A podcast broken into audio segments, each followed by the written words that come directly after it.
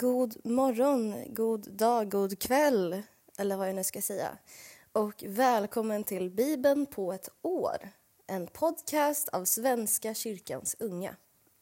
Jag heter Matilda Hellgren, är 23 år gammal och eh, pluggar teologi och är med i Svenska kyrkans ungas arbetsgrupp för kristen tro och identitet.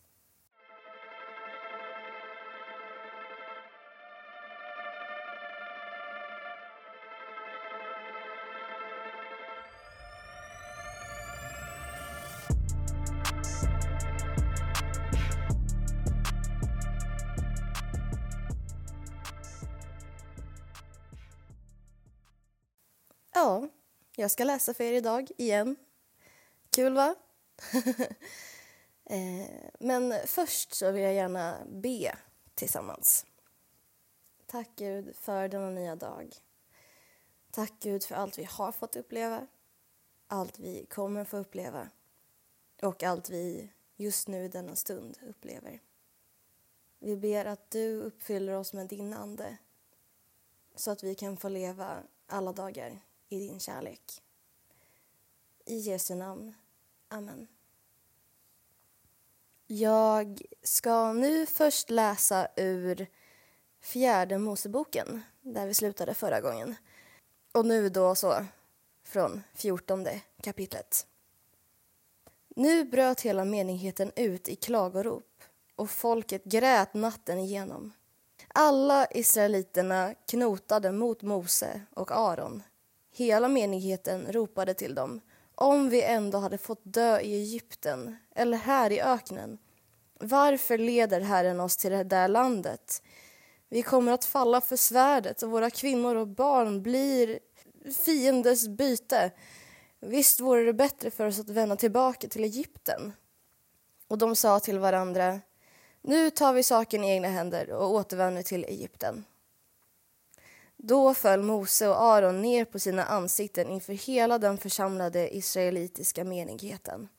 Och Josua, Nuns son, och Kalev, Jefunnes son, som båda hade varit med om att utforska landet, rev sönder sina kläder och sade till den israelitiska menigheten Det land som vi har vandrat igenom och utforskat är ett underbart land. Om Herren är tillfreds med oss kommer han att föra oss in i det landet och ge det åt oss, detta land som flödar av mjölk och honung. Gör bara inte uppror mot Herren och var inte rädda för folket i landet. De blir en munsbit för oss. Deras skydd är borta, men Herren är med oss. Var inte rädda för dem. Men hela menigheten ropar att de skulle stenas. Då visade sig Herrens härlighet vid uppenbarelsetältet för alla israeliterna. Herren sade till Mose, hur länge ska detta folk förakta mig och hur länge ska de vägra lita på mig, trots alla de tecken som jag gjort bland dem? Jag ska slå dem med pest och göra slut på dem, men av dig ska jag göra ett större och mäktigare folk än detta. Mose svarade, om egyptierna får höra det du har ju med din kraft fört ut detta folk från dem.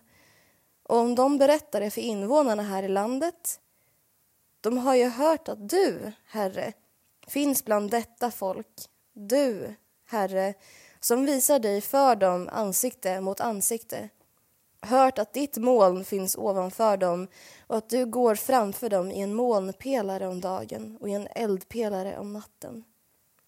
Om du nu dräper hela detta folk i ett enda slag kommer de andra folken som har hört om dina storverk att säga Herren förmådde inte föra sitt folk in i det land som han hade lovat dem med ed.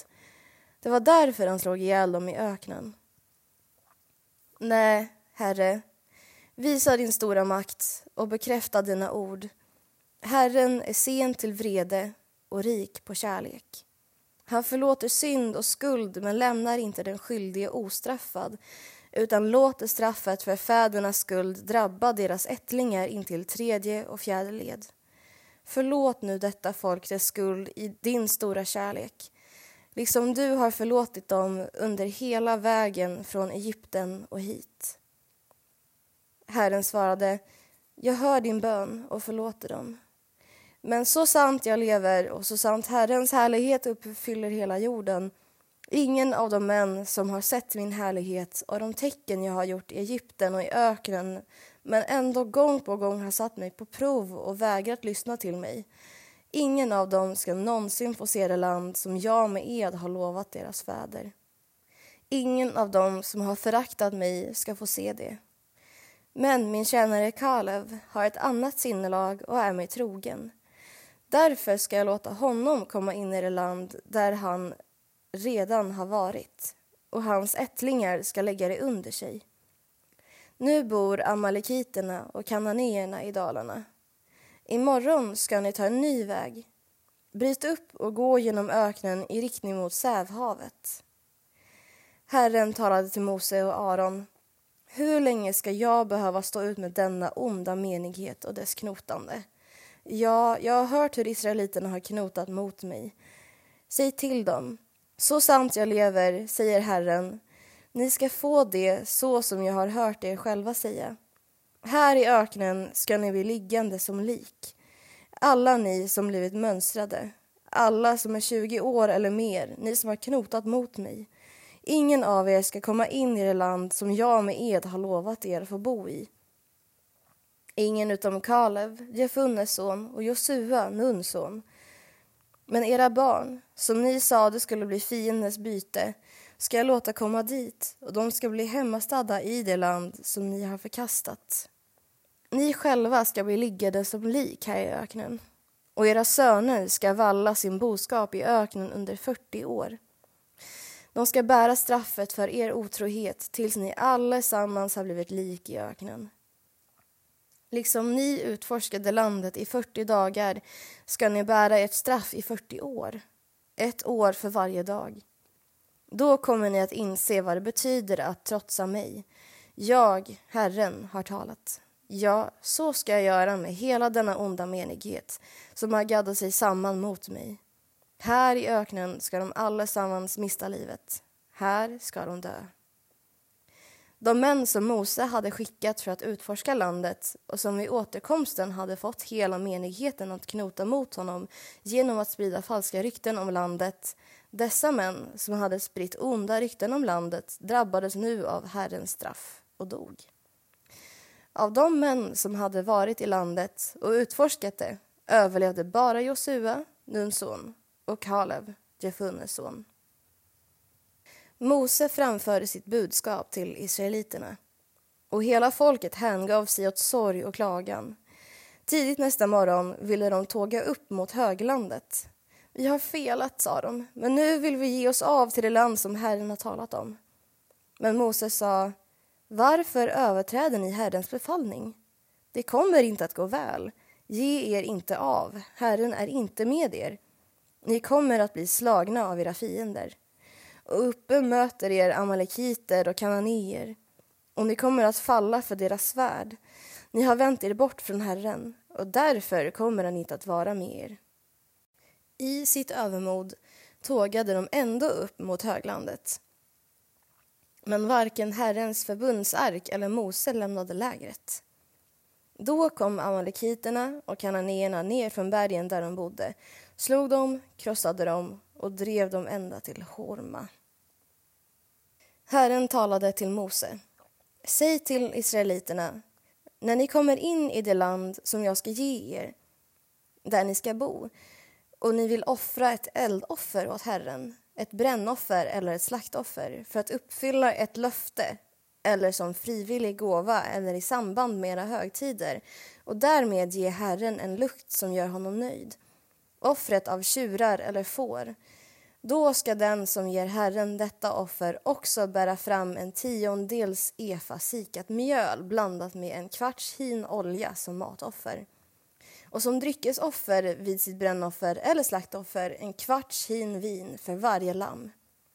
Är det en bagge ska du bära fram två tiondels efa siktat mjöl blandat med en tredjedels hin olja som matoffer och som dryckesoffer en tredjedels hin vin.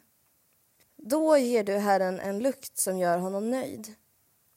Och när du offrar en tjur som brännoffer eller slaktoffer för att uppfylla ett löfte eller ge ett gemenskapsoffer åt Herren ska du samtidigt med tjuren bära fram tre tiondels efa siktat mjöl blandat med ett halvt hin olja som matoffer.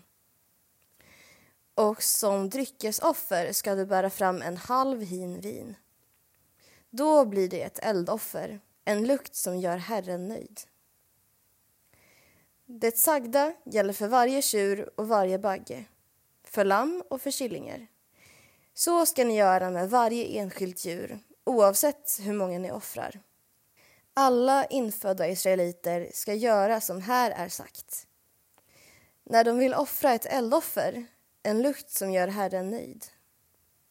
Och när en invandrare eller en tillfällig besökare nu eller i framtiden vill offra ett eldoffer, en lukt som gör Herren nöjd, ska han göra på samma sätt som ni. En och samma stadga ska gälla i församlingen för er och för invandraren som bor hos er. Detta ska vara en oföränderlig stadga för er genom alla släktled. Ni och invandrarna ska handla på ett och samma sätt inför Herren. Samma lag och samma rätt ska gälla för er och för invandraren som bor hos er.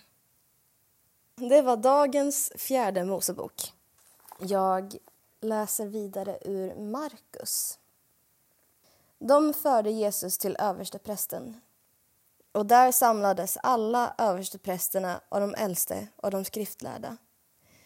Petrus följde efter på avstånd ända in på översteprästens gård och där satt han sedan bland tjänarna och värmde sig vid elden. Översteprästerna och hela rådet sökte få fram vittnesmål mot Jesus för att kunna döma honom till döden, men de lyckades inte. Många vittnade falskt mot honom och deras vittnesmål stämde inte överens. Några kom med det falska vittnesmålet att de hade hört honom säga jag ska riva ner detta tempel som är byggt av människohand och på tre dagar bygga upp ett annat som inte är gjort av människohand. Men inte heller nu stämde vittnesmålen överens. Då reste sig översteprästen från sin plats och frågade Jesus Ska du inte svara på deras beskyllningar? Men han teg och svarade ingenting. Då ställde översteprästen ännu en fråga. Är du Messias, den välsignades son? Jesus svarade, det är jag och ni ska få se Människosonen sitta på maktens högra sida och komma bland himlens moln. Då slet översteprästen sönder sina kläder och sa Vad ska vi nu med vittnen till? Ni har hört hädelsen. Vad anser ni?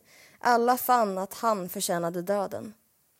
Och några började spotta på honom. De band för ögonen på honom och slog honom och sa Visa att du är profet! Och vakterna gav honom örfilar. Petrus var nere på gården.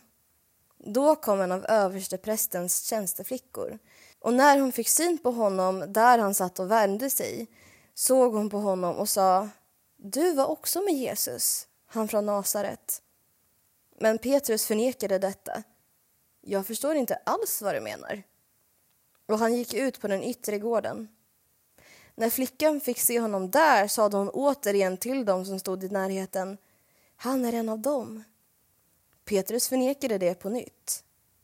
Strax efteråt sade de som stod där till Petrus Visst är du en av dem?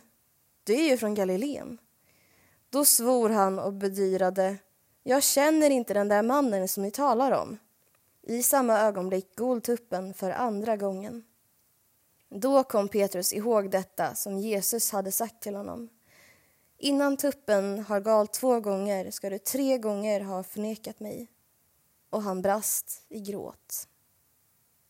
Jag läser också Saltaren 53. För körledaren, en dikt av David. Dårarna tänker, det finns ingen gud. De handlar fördärvligt och skändligt. Ingen gör det goda. Gud blickar ner från himlen. Han ser på människosläktet. Finns det någon som är klok, någon som söker sig till Gud? Men alla har avfallit, alla är fördärvade. Ingen gör det goda, ingen enda. Har de ingenting lärt, dessa ogärningsmän? Som lever på mitt folk, äter det som bröd och aldrig åkallar Gud. Så drabbas de av skräck, en oväntad skräck. Ty Gud strör omkring de gudlösas ben, där står de med skam, ty Gud förkastar dem. O, att det från Sion kom räddning för Israel. När Gud vänder sitt folks öde, då ska Jakob glädja sig, Israel jubla. Jag läser också Ordspråksboken, kapitel 11, vers 4. Föga gagnar rikedom på vredens dag, men rättfärdighet räddar från döden. Ja, tack för idag. Tack för att ni har lyssnat. Vi ber Gud som haver tillsammans. Gud som haver barnen kär, se till mig som liten är. Vart jag mig i världen vänder står min lycka i Guds händer. Lyckan kommer, lyckan går, du förbliver Fader vår. Amen. Tack återigen.